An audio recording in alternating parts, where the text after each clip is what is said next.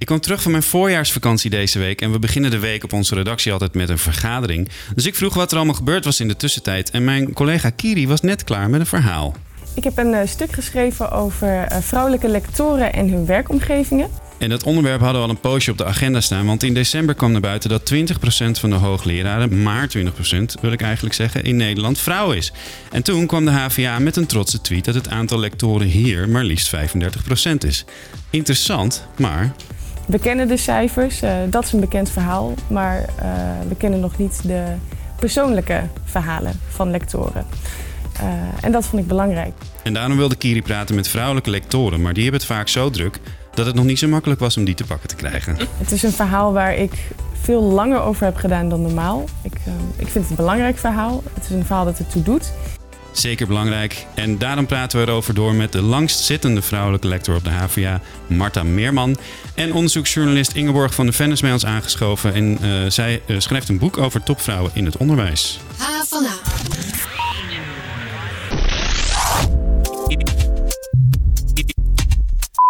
Ja, fijn dat je luistert naar onze podcast. Elke week praten we door over het nieuws op en rond de HVA.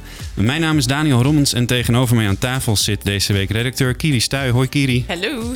Wat was het meest opvallende dat jij hoorde tijdens het doen van die interviews? Uh, een heleboel, maar wat me, één ding wat me sowieso is bijgebleven is uh, het interview met Ingrid Baquet. Dat is een lector.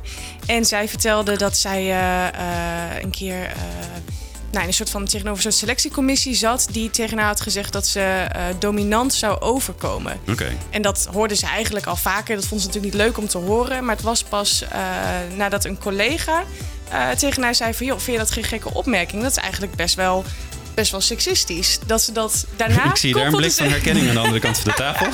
ja. Ik was die collega. Ja, ja, oké. Okay. Ja, wat, wat, vond je daarvan, Marta? Nou, ik vond het een beetje gênant. Het was niet zomaar een selectiecommissie, het was een visitatiecommissie. En die mm -hmm. komt, dat is een, uh, toevallig bestond het, uh, het hele gezelschap uit heren. Um, wij uh, hebben vijf lectoren, waarvan twee vrouwen en drie mannen. En Ingrid die praat nogal veel. Um, en dat mag je dominant noemen. En dat mag je terugkoppelen dat dat dominant is. Maar om dat ook in je eindrapport te zetten, vind ik heel vreemd. Wauw, het stond zelfs in het rapport van die commissie. Van de commissie. En uh, dat vind ik dan echt seksistisch. Want ik denk dat dat over een man nooit vermeld zou worden. Nou, ja. uh, het is duidelijk. We hebben nog heel veel te bespreken vandaag. Uh, daarom ga ik heel erg snel langs het andere nieuws van deze week op de HVA. Want deze week werd bijvoorbeeld duidelijk dat de gemeente behoorlijk wat druk heeft uitgeoefend op de Hogeschool van Amsterdam om het Te bouwen. Dat blijkt uit openbaar gemaakte brieven die zijn opgevraagd door buurtbewoners. En zij wilden weten waarom het gebouw er nou toch komt nadat de HVA eerder besloot om niet te bouwen. Iedereen die hier op de Amstel Campus komt, uh, ook jullie, uh, zien dat hier de overkant inmiddels gebouwd wordt.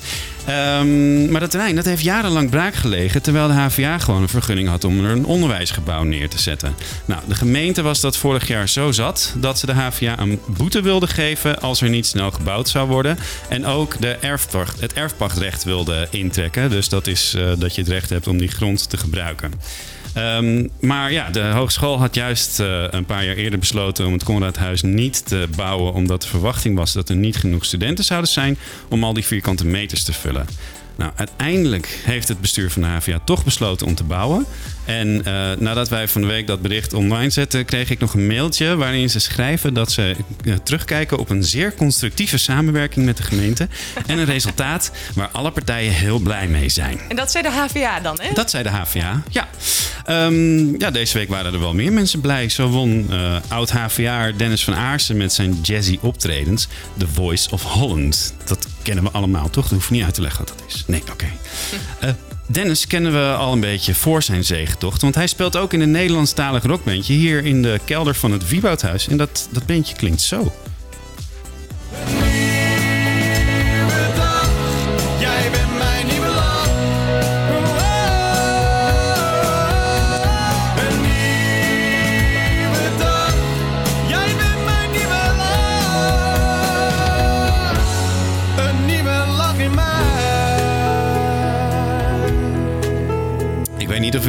Rockversie van Dennis leuker vind uh, of die jazzy versie die we in The Voice hoorden. Wat, wat vinden jullie? Hebben jullie The Voice gekeken? Of... Nee, nee allemaal nee, niet? Nee, Niemand? Niemand heeft The Voice gekeken? Het is wel een lieve tekst. Sorry, uh, Dennis. Hashtag sorry, Dennis.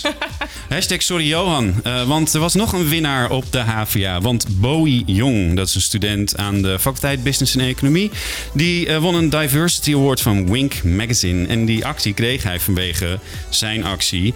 Uh, de actie, de prijs kreeg hij vanwege zijn actie met die hashtag sorry Johan. Hoe zat dat ook alweer, Kiri? Ja, dat klopt. Dat was eind vorig jaar helemaal trending, die hashtag. Uh, dat uh, was een reactie op de uitspraak van Johan Derksen. Die had gezegd van nou, we moeten allemaal niet zo zielig doen. We moeten ophouden met dat het zo moeilijk is om uit de kast te komen. Ja. Nou, daar kwam uh, een heleboel commotie op. En Bowie die begon dus met die actie op Twitter. Hashtag sorry Johan dat ik niet karakter toonde toen ik zelf uit de kleedkamer werd gezet. Omdat ik daar niet thuis hoorde bijvoorbeeld. En Johan Derks is een voetbaljournalist. Uh, en die zei dat dan naar aanleiding van die brandbrief die Bowie aan de KNVB had gestuurd over homoacceptatie in het voetbal. Ja, daar uit hij ook zijn zorgen over inderdaad. Ja. Ik ben wel benieuwd hoe hij tegen de acceptatie van uh, eh, LHBTI'ers, zoals we ze ook noemen, hier op de HVA aankijkt. Want uh, daar gebeurt namelijk heel veel voor de bühne. Maar ik vraag me af of dat ook in alle haarvaten en leslokalen van de hogeschool doordringt. wordt vervolgd, hoop ik, Kiri. Mm. Waarom is dit onderwerp juist nu zo actueel? Maar zouden die HVA'ers niet ook boos moeten zijn? Uh, ja, eigenlijk wel. Ik vind het niet heel professioneel om mijn bestuursgenoot in de pers af te gaan vallen. Waarom gaat er zoveel geld naar jouw onderwijs? Nee, niet zoveel vragen hoor. Wil je niets missen van het nieuws en de verhalen van de campus? Schrijf je dan in voor de nieuwsbrief op havana.nl. Ja, en ik had er al even aangekondigd. Uh, bij ons in de studio zit Marta Meerman. Zij is lector HRM, zeg ik dat goed? Ja, gedifferentieerd HRM. Kijk aan, wat is dat? Ja, kennelijk is dat nodig. Dat HRM eh, niet uh, per definitie uitgaat van verschil. Maar dat je er nog zo'n woordje voor moet zetten. En gedifferentieerd betekent dus inderdaad dat je voor verschillende groepen verschillende, verschillend beleid doet. Precies. Ja. En even, HRM is Human Resource Management. Misschien zijn er mensen die dat niet meteen weten. Um, je bent ook wel een veteraan in het vak, want uh, ik uh, zag dus dat je de langst zittende lector uh, op de HVA nee, bent. Vrouwelijke, vrouwelijke lector. lector ja. Was je dan ook de eerste vrouwelijke lector op de HVA? de, nee, nee, nee, nee, nee. de tweede. Oké, oké. Okay, ja. ja. Maar je was er wel vroeg bij. Ik was er heel vroeg bij. En omdat, ik, omdat er maar twee waren, word je dan ook meteen vriendinnen. Ja, oh echt? zo gaat ja? dat. Ja. Oh, leuk. Lotgenoten. Ja. ja, voelt dat zo, lotgenoten? Uh, ja, we trokken wel meteen naar elkaar toe, ja. Ja. Wie was dat eigenlijk en waar zat zij? Uh, zij heette Cilian Terwind en ze zat bij techniek. En okay. ze moest wel weg. Uh, er werden, toen was het heel streng. Mensen die weg moesten omdat ze niet voldeden. Um, daar is ze nog steeds boos om. Ja. Ja. Naast jou zit uh, onderzoeksjournalist Ingeborg van der Ven. En Inge, uh, Ingeborg, jij was redacteur bij Science Guide. Ja, Moest je daar ook weg omdat ze je niet goed genoeg vonden? Goeie vraag. Uh, nee, helemaal niet. Het is een hele bewuste keuze van mezelf geweest na een jaar. omdat ik dit boek, wat ik nu aan het schrijven ben, wilde gaan starten. Ja, want wat is dat boek precies? Ik schrijf een boek over tien topfuncties in het hoger onderwijs. Waar veel Nederlanders nog steeds een man in hun hoofd zien als ze die titel horen. En achter elke functietitel zit dan een interview en een ja, lang, langer hoofdstuk uh, met een vrouw die op die plek zit. Ja. Oké. Okay. Um, ja, en de reden dat we jullie hebben uitgenodigd is de volgende vraag. Is het HBO nou een betere werkplek voor vrouwen dan de universiteit? Want er zijn dus meer lectoren dan mm -hmm. hoogleraren. En die vraag, Kiri, die stelde jij deze week aan drie vrouwelijke lectoren. Waarom? Ja, dat klopt inderdaad. Um, ik stelde hem vanwege de cijfers waar we het eerder al over hadden. Inderdaad, uh, de, uh, als het ging om hoogleraren uh, vrouwen, dan was het nog maar 20% En in het HBO gaat het een stuk beter. Dus de logische vraag is dan, ja, is dit dan een fijnere werkplek voor die vrouwen? Ja. Uh, ik ben toen begonnen met uh, gewoon eventjes ja, wat research gaan doen. En toen bleek dat er een onderzoeker was, Inge van der Weijden van de Leiden Universiteit. En zij begeleidde een uh, masterthesis waarin zij uh, waarin uh, vrouwen werden geïnterviewd die vanuit het hoogleraarschap, om het zo maar even te zeggen, uh, heel bewust lector waren geworden. Ja. Nou, en wat bleek nou, van al die veertien vrouwen die zij had gesproken, bleek, bleken de directe concurrentie met collega's en de hoge publicatiedruk van de wetenschappelijke artikelen echt de reden zijn om weg te gaan. Ja. Dus ik, uh, ik heb die vraag ook gesteld aan uh, vrouwelijke lectoren op de HVA, die dan ook um, wel een link hebben met wetenschappelijk onderwijs. Van joh, wat zijn nou die cultuurverschillen? Um, en ze herkenden het wel, die competitieve cultuur en de publicatiedruk. Ehm, eh, maar wel in mindere mate. Eh, wat ook bleek, of tenminste wat één iemand ook heel duidelijk zei, was: kijk, het, het heeft niet zoveel te maken met HBO of het WO. Eh, hoe hoger je op de ladder klimt, hoe vrouwonvriendelijker je omgeving eigenlijk wordt. Ja, um, Marta, ik kan me voorstellen dat niet iedere student van de HVA weet wat een lector en wat een hoogleraar Mhm. precies doet. Kun jij het verschil tussen hoogleraren en lectoren uitleggen? Ze leiden beide een onderzoeksgroep. Dat is het, eh, de overeenkomst. En het verschil is dat een hoogleraar afgerekend wordt op publiceren. Ja. En een lector wordt afgerekend op en publiceren en haar relatie met het beroepenveld. Ja. Dus het is een zwaardere baan. En zeker hier, dat kan ik me heel goed voorstellen. En zeker hier bij de HVA is het ook heel erg op de stad gericht. Hè? Alle onderzoeken die er worden gedaan, die worden echt nou, een beetje vertaald naar de stedelijke omgeving van Amsterdam. Klopt dat als ik dat zeg? Ehm, niet alle onderzoeken hoor. Want ik kom bij economie vandaan. En je kan niet zeggen dat economie alleen maar te maken heeft met de stad. Nee. En dat kan je bij gezondheid ook niet zeggen. Nee. Dus het is eh, techniek ook niet. Dus Nee. het is een beetje. We willen heel graag voor de stad zijn. En heel veel resultaten worden ook vertaald naar de stad. Ehm, Maar het is eigenlijk een reclameplaatje. Ja. Oké, nou goed. Weten we dat ook weer? Wat vind jij van je werkomgeving hier, Marta? Wat ik van mijn werkomgeving vind. Nou, Ja. ik, eh, ik zeg het al, het is best een zware baan. Want je moet eh, en een. eh, ja, je laten zien in, die, in dat beroepenveld. En je moet je ook laten zien in de wetenschap. En dat is dus. je, je moet je ook laten zien in het onderwijs. Ja. Ik denk dat we daar het minst aan toekomen. Aan dat laatste. Oké. Dat je dat veel meer aan de onderzoekers om je heen overlaat. Om Ja. die vertaling naar hun eigen docentschap of in hun eigen Ja. faculteiten te brengen. Ja. En maar jij bent eh, eh, dus 14 jaar geleden begonnen hier als lector. Eh, waarschijnlijk toen als een van de weinigen, een van de twee, zei je. Ehm, merkte jij toen ook dat je echt in een mannenwereld terecht kwam, bijvoorbeeld? Ehm, ik ben het heel erg eens met, met de, de uitslag van Inge van der Weijden. Ehm, het gaat om dat je in een hogere positie zit. En dat is altijd een mannenwereld. Ja. Dus, ehm, Hoe bedoel je dat? Nou, daar moest ik, daar moest ik ontzettend aan wennen.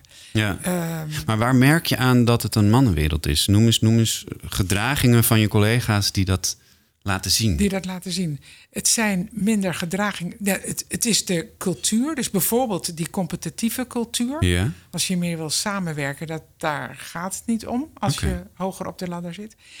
En wat ik bij mijzelf, eh, die vraag werd mij gesteld van, van waarin zie je nou zelf dat, het, dat je last hebt van je vrouw zijn bijvoorbeeld. Hè? Ja. Ehm, een voorbeeld daarvan vind ik dat je aan de ene kant heel op de voorgrond moet treden, markant moet zijn. eh, eh, ja. En aan de andere kant word je daarop afgerekend. Oké. In de zin van dat mensen zeggen: Goh, jij loopt in de hele tijd in de spotlight of zo.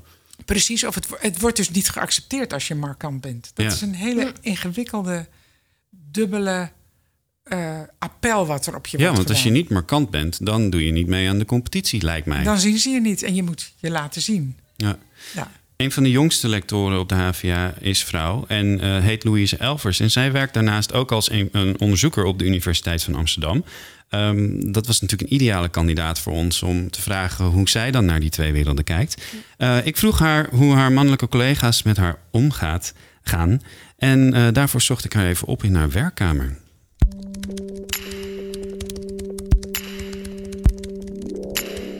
Louise, wat fijn dat je heel even tijd voor ons had. Want je bent eh, ontzettend druk bezig met een eh, rapport dat morgen af moet. Dat klopt, ik moet morgen een onderzoeksrapport inleveren, dus we gaan het even heel snel doen.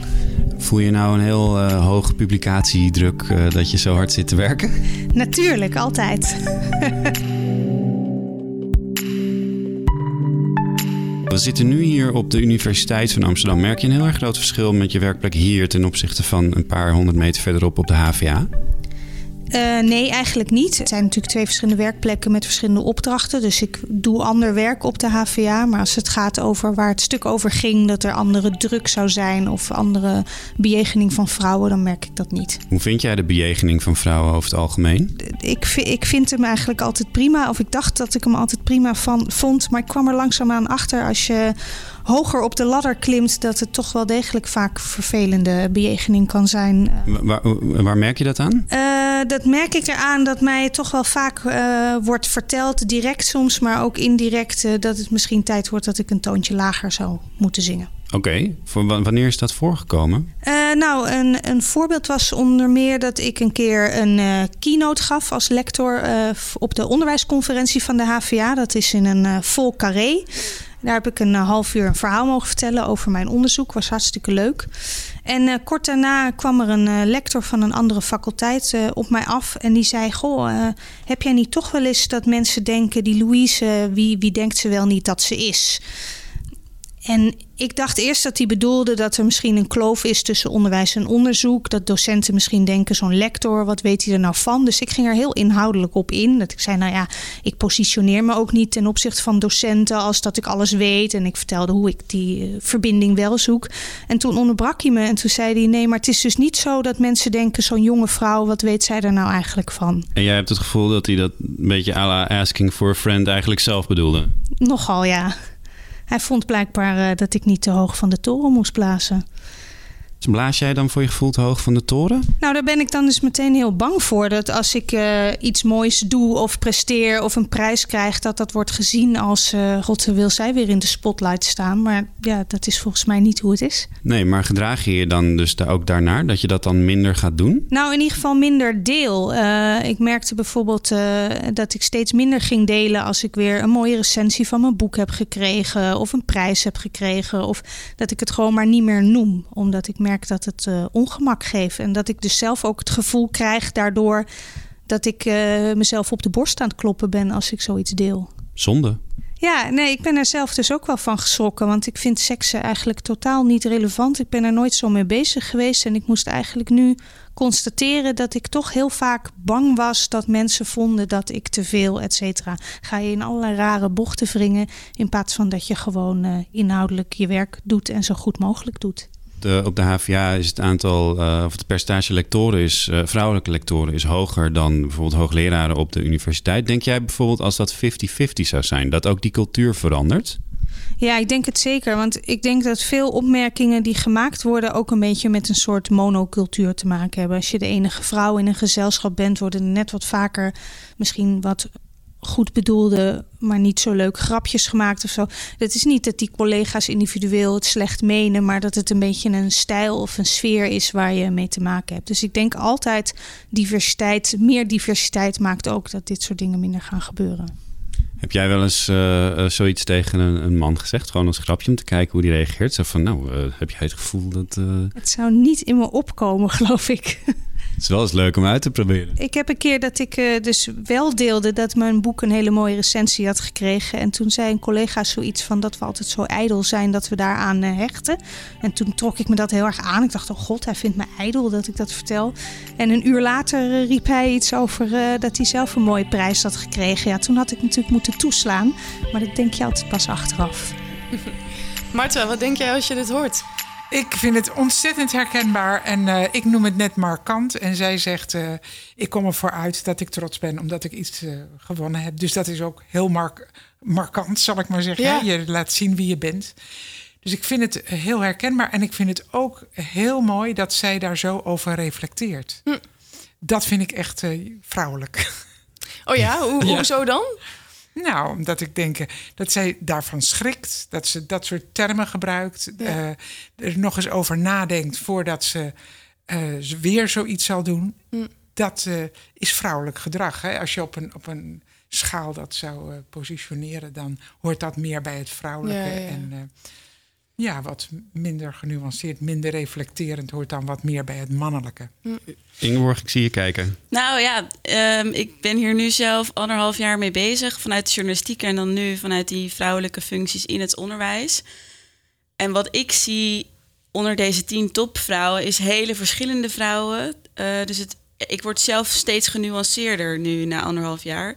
En ga ook steeds meer weg van terminologie als mannelijk of vrouwelijk, omdat ik ook veel ja, daar wilde ik net eigenlijk ook wat over zeggen. Als je kijkt naar de universiteit en de universitaire cultuur die daar heerst. Er zijn een hele hoop mensen die daar nu tegenin ja, weerstand voelen daarop en die daar heel graag verandering in zien. Dus weet je, het is niet voor niks dat er grote staking uh, weer aankomt. En ja, er, er is veel onrust. En je, en je ziet ook een hele hoop initiatieven wat betreft universitaire cultuur en competitie. Dat, dat komt niet alleen vanuit vrouwen, de, de, de, de, de wil om het anders te doen. Ik Maar denk ook vanuit mannen. Ja, dat, Ja. ja. ik spreek zeker ook een hoop mannelijke onderzoekers die daar ook anders mee om willen gaan en eh, ja, een privéleven willen opbouwen. Of eh, ja, ja, dus vind ik eigenlijk juist wel mooi om te zien dat het wellicht wel vanuit het eh, emancipatie-argument is ontstaan, maar dat er gewoon nu een hele hoop mensen zijn die anders kijken naar werk en privéverdeling. Ja. Ja, maar eh, het mannelijke en vrouwelijke wil ik niet koppelen aan Mhm. seks. Hè? Nee. Er zijn ook heel veel vrouwen die competitief zijn Ja, en het mannelijke precies. laten zien. Ja. En mannen die het vrouwelijke laten zien. Hè? Dat Mhm. is voor mij niet gekoppeld aan. Dus dat is ook mijn. Ik wil ook een groot onderscheid maken tussen de aantallen. Aantallen Mhm. gaat echt over mannen en vrouwen. En het mannelijke en het vrouwelijke, dat is meer een cultuurachtige eh, insteek. Daar wil ik echt onderscheid tussen maken. Maar heeft het dan een functie om dat zo te noemen? Kun je het niet ook gewoon precies noemen wat het is? Wel of niet competitief, wel of niet rekening met elkaar houden? Want door mannelijk en vrouwelijk te zeggen, maak je het eigenlijk abstracter en is wel de connotatie heel erg met, hè, met de seksen. Ja, maar het feit blijft wel dat als je kijkt naar de universiteit, dat er maar 20% nu vrouwelijke hoogleraar is. Dus het blijven benoemen, los van of je het dan echt over de persoon hebt of over eigenschappen, is denk ik wel juist heel belangrijk. Want ook al is het daar wellicht niet de. Ik geloof zelf bijvoorbeeld niet zozeer in een witte boze man die binnen de universiteit allerlei dingen aan tegenhouden is, maar meer een systeem wat we met elkaar hebben gecreëerd. Maar door het dan wel zo te benoemen, zie je nu wel een hoop initiatieven die wel eh, verschil kunnen maken. Ja. Het staat op de agenda, in ieder geval. Ook dat, ja. ja. Want waar ik ook wel benieuwd naar eh, ben, ik, eh eh, Marta, was een van, ik was in jouw publicaties aan het spitten. En een van jouw eerdere publicaties uit 2005, daarin schrijf jij: eh, Het korte termijn denken in bedrijfsbeleid is er vaak de oorzaak van dat er vaak nog geen sprake is van diversiteit in management en teams. En we zijn nu, let op, 14 jaar verder. Is dat nog steeds zo? Ja. Oh. Ik wil Dat eerst weten wat je ermee bedoelt eigenlijk. Ik bedoel ermee dat eh, doordat je op korte termijn doelen stelt, ehm, je ehm, dat samen wil doen met iemand die op jou lijkt. Hmm. Dus eh, ik wil zeker weten dat als ik over een jaar eh, een artikel klaar moet hebben, dan doe ik dat samen met iemand die waarvan ik denk dat hij hetzelfde denkt als ik, zodat dat snel af is. Ja. Alleen als ik wat meer ruimte heb, of op langere termijn, hè, jij noemt het beleid, maar het gaat ook om: heb je de tijd om wat langer over je, je dingen te doen? Dan ka- heb ik ook de mogelijkheid om mensen te benaderen om met mij samen te werken, waarmee het wat meer schuurt. Die tijd heb ik dan Ja. om daar uit te komen. En is dat dan op het gebied van meningen over dingen of, of ook heel praktisch? Eh, dat, ja, het gaat erom wat voor werk je doet. Maar wij doen nu academisch wetenschappelijk werk. Of, eh, nou, en dan gaat het erom, zijn de mensen met wie ik samenwerk, lijken die een beetje op me? Zitten die in mijn eigen, werken die vanuit hetzelfde perspectief? Eh, hebben die dezelfde boeken gelezen? Dan kan ik daar sneller mee aan de slag. Ja, ja want ehm, we zijn nu dus jaren verder. We hebben het nog steeds over. En nog steeds is, het, is dat verschil er niet. Hoe kan dat? Hoe kan het dat we het zo lang eigenlijk al op de agenda zetten, maar dat het toch eh, niet of heel langzaam verandert? Ja, het is iets wat heel langzaam verandert. En soms, ehm, het is ook tijden van de agenda af geweest. Hè? Dus diversiteit, dat was iets, ja, dat was iets eh, retro. Daar hield je je niet mee bezig. Dat was Hm. ook niet interessant. En soms komt het weer wel op de agenda als een minister wat zegt. Of die stelt quota, eh, hè, de, zoveel procent moet vrouw zijn. Nou, dan komt de discussie er weer over. Maar het is nou niet echt een, een sexy onderwerp, zal ik maar zeggen. Hmm, ja. Maar is het ook niet zo, eh, dat is op het vrouwenthema wel nu een ding, dat bijvoorbeeld de universiteiten die heb- gaan hun streefcijfers halen, of in ieder geval een deel in 2020. En dan hoor je nu al geluiden van, nou ja, hoe gaan we dan daarna, na zo'n streefcijfer weer verder? Dus dat je vanuit universiteiten toch een beetje aarzeling hoort van, nou ja, hè, we hebben zo hard gewerkt, dit hebben we nu even be- beha- behaald. Misschien moeten we een adempauze inlassen. En van pleitbezorgers op die agenda juist van, nee, eh, weet je, we zijn er net en we moeten het vasthouden.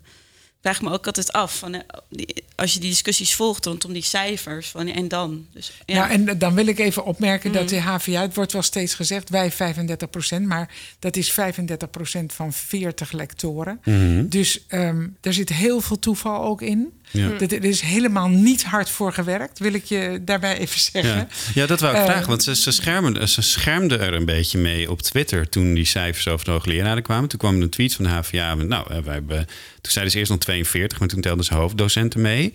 En toen eh, kwam het op 35 uit, 35% En procent. dat is van de HVA, hè? dat Ja. is niet Ja. van de HBO. Nee, Nee, klopt. HVA. Nee, HVA. Ja. Ja. Nou, dat vind ik het. Dan zijn cijfers, ja, weet je, dat is zo'n vreemd om dan een percentage te nemen. Ja. Want eh er hoeven er maar drie weg te gaan. Straks ga ik weg. Ja, en straks gaan er nog, Ja. nog twee vrouwen weg. En dan is er meteen een heel ander percentage. Dus Nee, ik, ik, ik sprak eh, van de week ook met Sikko de Knecht. Dat is de hoofdredacteur van Science Guide. Hè, dat dat eh hoger onderwijsplatform.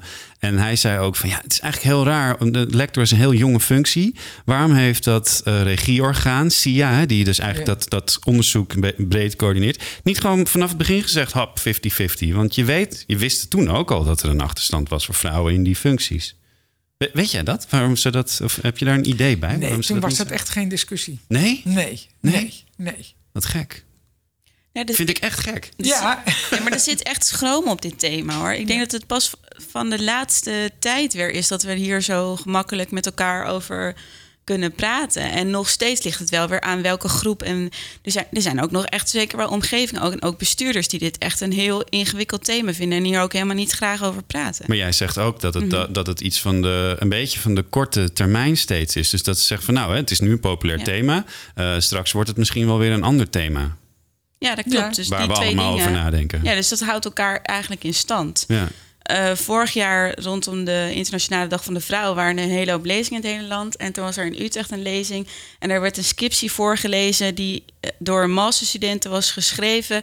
eh, 25 jaar geleden met een analyse van vrouwen binnen de wetenschap en punten waar je tegenaan loopt. Nou, dat is gewoon één op één dezelfde punten. Het zijn Ja. dezelfde punten waar we het nu weer met elkaar over Wauw. hebben.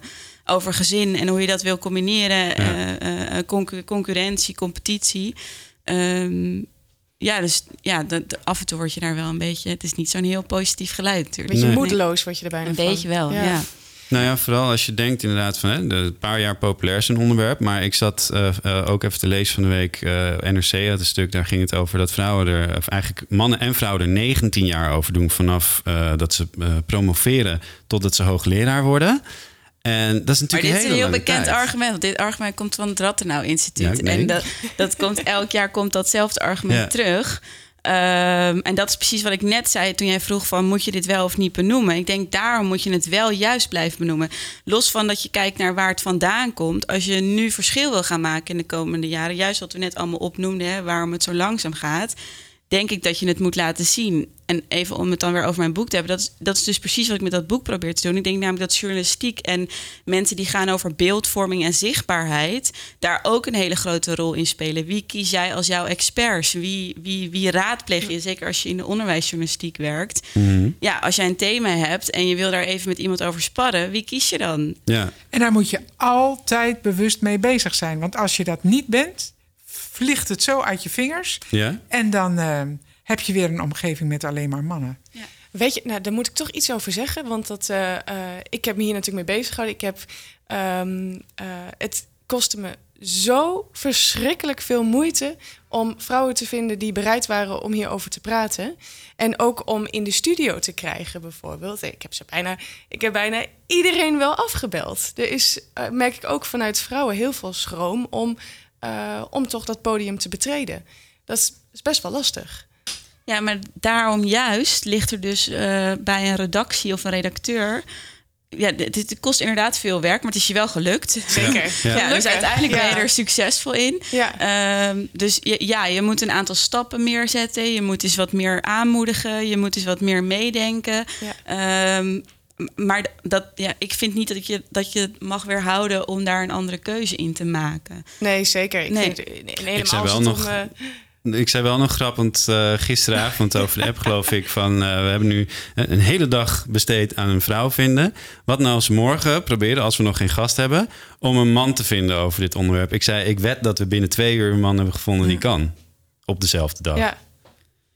Het is een beetje maar wat is maar... wat nou ja, ik vraag me dan altijd af wat daar dan de achterliggende vraag aan is. Ehm, ehm, is de vraag dan dat je dus alleen maar mensen in je studio wil hebben of als expert wil laten optreden die meteen eh, zonder over na te denken meteen ja roepen? Nee. Nee, toch? Want Nee. soms kan een expert juist iemand zijn die daar wat meer over twijfelt, maar die Ja. dan juist wel de juiste persoon is op, op dat moment op die plek. Nou ja, vandaar dat jij misschien ook nadat wij elkaar aan de telefoon hadden gisteren... die tweet in de trein eh, verstuurde van zeg eens wat vaker ja. Ja, ik, ik heb op Twitter wel een hoop van dit soort discussies. En ik heb daar, mensen hebben dat ook wel eens tegen mij gezegd. Eh, dit is wel een bekend, eh, een bekend verhaal.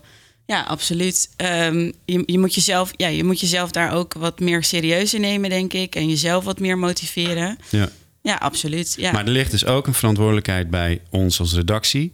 maar bijvoorbeeld op een hogeschool ook bij leidinggevenden van het team. Wie, be- wie benoem je en hoe makkelijk gaat dat? En Ja. eh, als je vraagt wie wil er een eh, artikel schrijven voor mijn bundel, dan eh, duurt het langer voordat je vrouwen over hebt gehaald dan mannen. En, ja. eh, ja, want ik wou die vragen, jij bent zelf leidinggevende. Hoe gaat dat bij jou?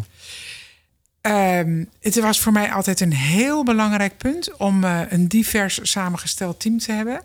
En divers samengesteld, dat betekent dan oud en jong en eh, verschillende etnische achtergronden, mannen en vrouwen, om daar heel goed naar te kijken. En daar heb ik altijd heel hard aan gewerkt. En, ehm, maar als je op de korte termijn eh, eh, artikelen moet schrijven, andere prioriteiten stelt, eh, het heel erg druk hebt, dan schiet dat soms toch uit je vingers. En vooral nu we in een tijd leven waarin heel veel het gaat om tijdelijke aanstellingen, mensen die na een half jaar weer weg moeten, ehm, moet je daar ontzettend serieus mee omgaan. En als je dat dus even niet doet, wat ik ook het laatste jaar gedaan heb, Mhm. dan binnen de kortste tijd zit je met eh 40-jarige mannen om je heen. Ja. En het zijn hele goedwillende mannen. Hè, daar gaat het helemaal niet om. maar het valt wel op. En het valt hen ook op. Ja. Van wat er gebeurt als je niet hard werkt. Ja. Nou, ik vind het mooi dat Marten dat zegt van ik heb er heel hard voor gewerkt. En ik denk dat dat, weet je, natuurlijk moet je ervoor werken. eh, en kost het jou een dag om eh, vrouwen hier met, eh, in deze studio te krijgen. Ehm, maar dat is misschien ook wel het probleem als je zeker als je kijkt naar wetenschap, maar ik denk ook wel aan hogescholen, weet ik dan niet genoeg van, is dat het wordt nergens gemeten. Hè? Dus je kan er niet mee scoren. Dus je scoort wel snel op snelheid. Als je snel een publicatie kan doen, als je snel de juiste man op de juiste plek of de juiste vrouw op de juiste plek hebt. Maar je scoort niet met een wat harder werken en wat langer de tijd nemen om een divers team neer te zetten. Dat wordt nergens bijgehouden in beoordelingen of levert jou ook weer geen promotie op als leidinggevende. Dus Nee, en het, eh, nee, en het valt mensen ook niet zo op. ja.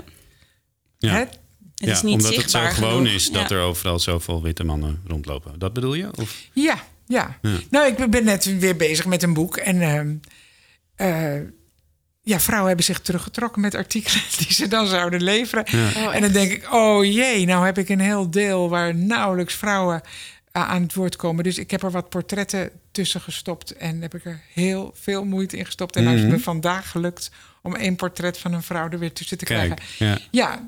Oh, en het ik- is ik zo denk dat zonde, straks jongens. al mijn lezers zullen dat niet op, zal dat niet opvallen. Nee. Wat Maar- je daarvoor ja. moet doen. Nou, dit is wat ik gisteren ook tegen jullie zei in de voorbespreking. Dus ik, ben, ik heb tien hosts. Ik ben nu op, eh, op, op nummer acht. Ik moet er nog twee invullen.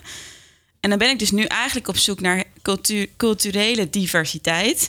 En daar moet ik dan iemand op gaan selecteren. Maar dat voelt in je onderbuik toch ook zo onwijs fout. Want je wil ook niemand het gevoel geven dat je iemand daarop selecteert en daarop wil gaan interviewen. Want, Want ik wil- hoeveel van die tien zijn eh, witte vrouwen? tot nu toe zes, ja. Ja. Ja, dus ik moet nu wel. Want dan, als ik het nu af zou maken, dan zou het 6-4 zijn. Als ik dat niet doe, dan is het 8-2, ja. Ja.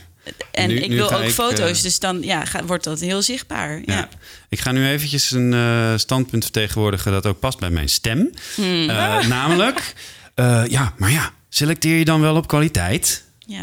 Dat vind, ik de allerle- dat vind ik het allerleukste argument altijd om mee in discussie Zeg je leuk of lelijk? Leuk, nee, leuk. Omdat ik die, Daniel, want daar zit, daar zit namelijk een aanname achter dat er überhaupt eh, zoiets bestaat als onafhankelijke selectie op kwaliteit.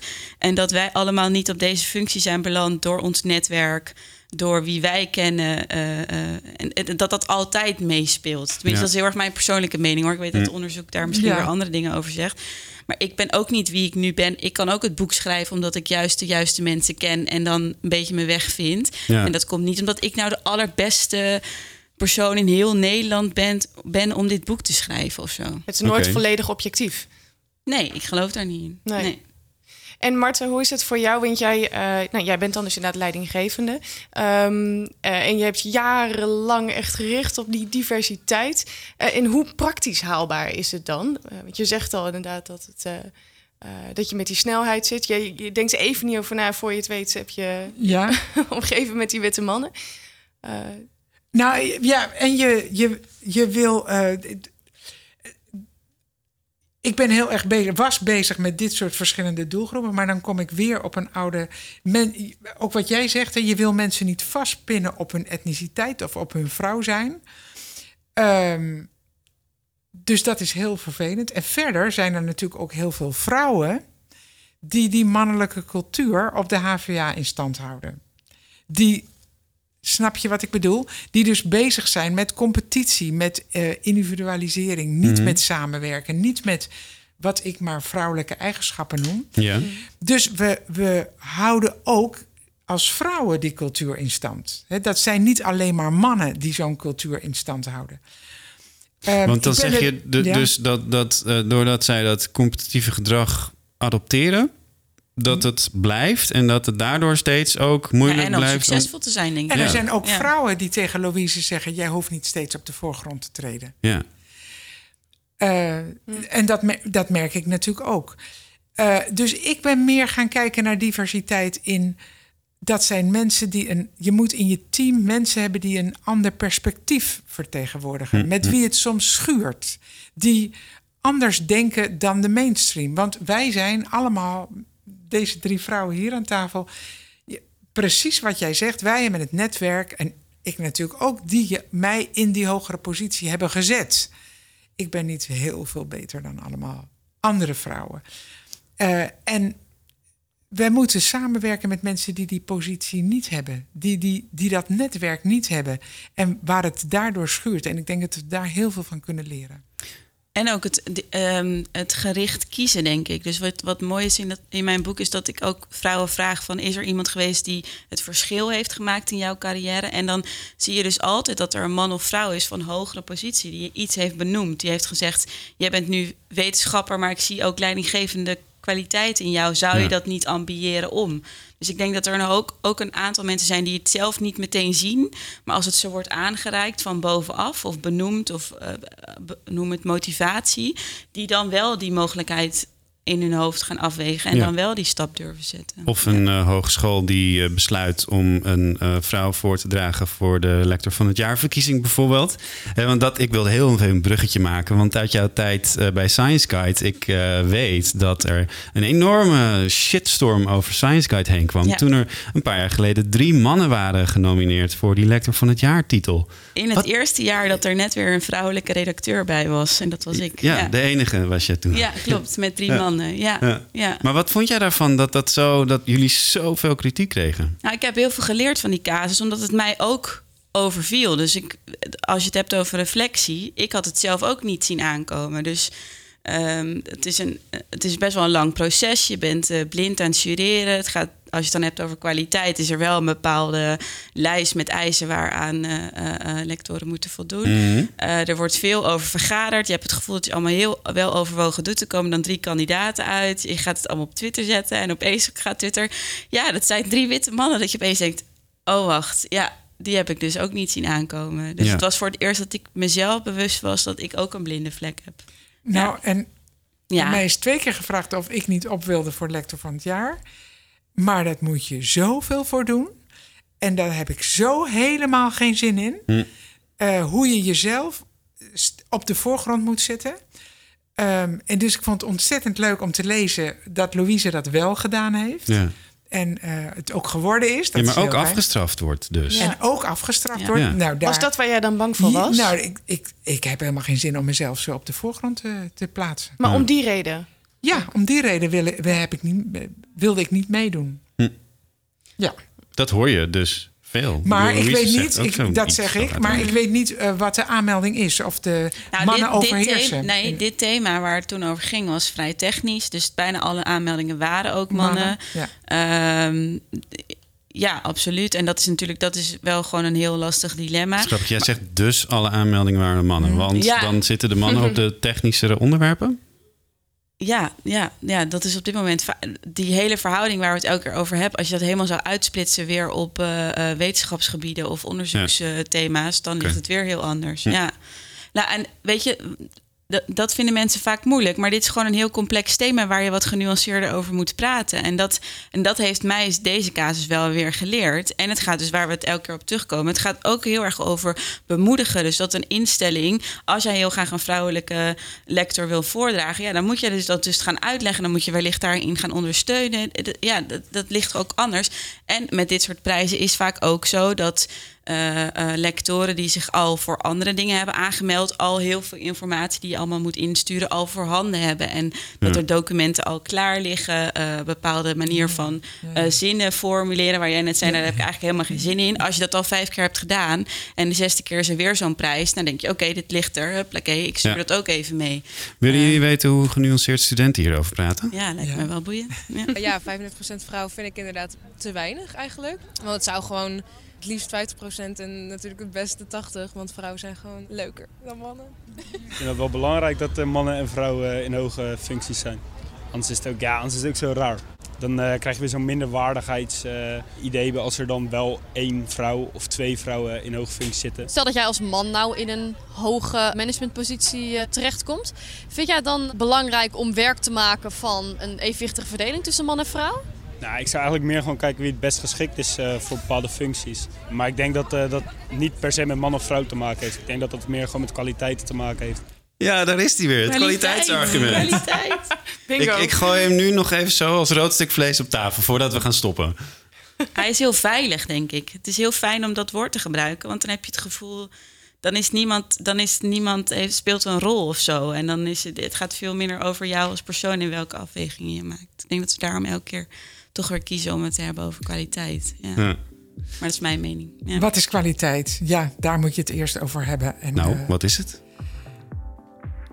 Ja. Dat is niet het aantal publicaties dat je hebt. hè. En dat is bij lectoren natuurlijk echt een verschil. Dan, d- daar moet je veel meer. ehm, eh, kwaliteit is daar. Ja, dat je je persoonlijkheid veel meer in de strijd gooit. Daar gaat het bij eh, lectoren toch om. Ja? Naar dat beroepenveld, naar dat onderwijs. Ehm, ja, Verbinden. Nou, ja, en ik zou gewoon het woord blinde vlek gewoon veel liever willen horen dan kwaliteit. We hebben allemaal een blinde vlek. En dat, Ja. en dat, en dat is niet man of vrouw eigen. En maak gewoon bewuster beslissingen over wie je op welke positie zet. Blinde witte mensen. Of blinde, nee, gewoon blinde, vlek. mensen. Nee, ja, ook, iedereen heeft een blinde vlek. Ja, en, en, en ga je, train jezelf, maak jezelf bewust van die blinde vlek, zodat je daar ook anders op kan handelen. Ja. Ja. Onbedoeld is dit een heel lange special geworden, deze podcast. Eh, we hebben veel te lang doorgepraat. Maar Kiri, volgens mij zijn we nog lang niet uitgepraat over dit Nee. onderwerp. Kunnen we Nee, nog verder? Het zou ook heel, heel raar zijn met dit onderwerp, als ik heel eerlijk ben. Eh, Marta en Ingeborg, dank voor dit gesprek. Dank voor de tijd die jullie voor ons hebben genomen. En jij, luisteraar, bedankt voor het luisteren allereerst. Maar ik ben ook heel benieuwd wat jij van dit onderwerp vindt. Laat ons weten wat je denkt. Je kunt reageren op deze podcast in het bericht op onze site of op Soundcloud. Eh, kun je ook een reactie plaatsen. Of je kunt een mailtje naar havana.hva.nl sturen. Ehm, jullie schrijven beide een boek. Wanneer kunnen we die boeken verwachten? Marta? 1 mei, 14 mei. 14 mei. Marta is sneller. Oké, Ja. zien, zien we je dan weer terug? We Oh, spreken je graag op 14 mei. En eh, Ingeborg, wanneer komt jouw boek ongeveer Ik uit? hoop eh, van de zomer. In oktober is de Gender and Science Summit. Dus dat heb ik mezelf als doelstelling gesteld. Dat eh, ruim voor de summit eh, moet mijn boek klaar zijn. Ja. Heel goed. Nou, ehm, volgende week, als het dus Internationale Vrouwendag is, dan zijn we er weer met een nieuwe podcast. Ik ben benieuwd of we dan nog over vrouwen kunnen schrijven, Kiri. We gaan, Gaan eh, we gaan eens even goed brainstormen. Ja, ja, ja. Volgende week maandag redactievergadering. Dus eh, heb je ideeën, stuur ze naar havena.hva.nl. En wil je in de tussentijd op de hoogte blijven van al het nieuws en verhalen die we maken? Check dan onze website havena.nl. En volg ons op Instagram en Facebook en Twitter. En ook heel belangrijk, we sturen je elke maandagochtend een nieuwsbrief. Maar dan moet je je wel eerst inschrijven via het inschrijfformulier op deze website van ons. Helemaal onderaan op de homepage. Uh, tot volgende week. En uh, Kiri, doei. Tot volgende week. Dag. Tot ziens. Geen enkele podcast meer missen? Abonneer je dan via SoundCloud of iTunes.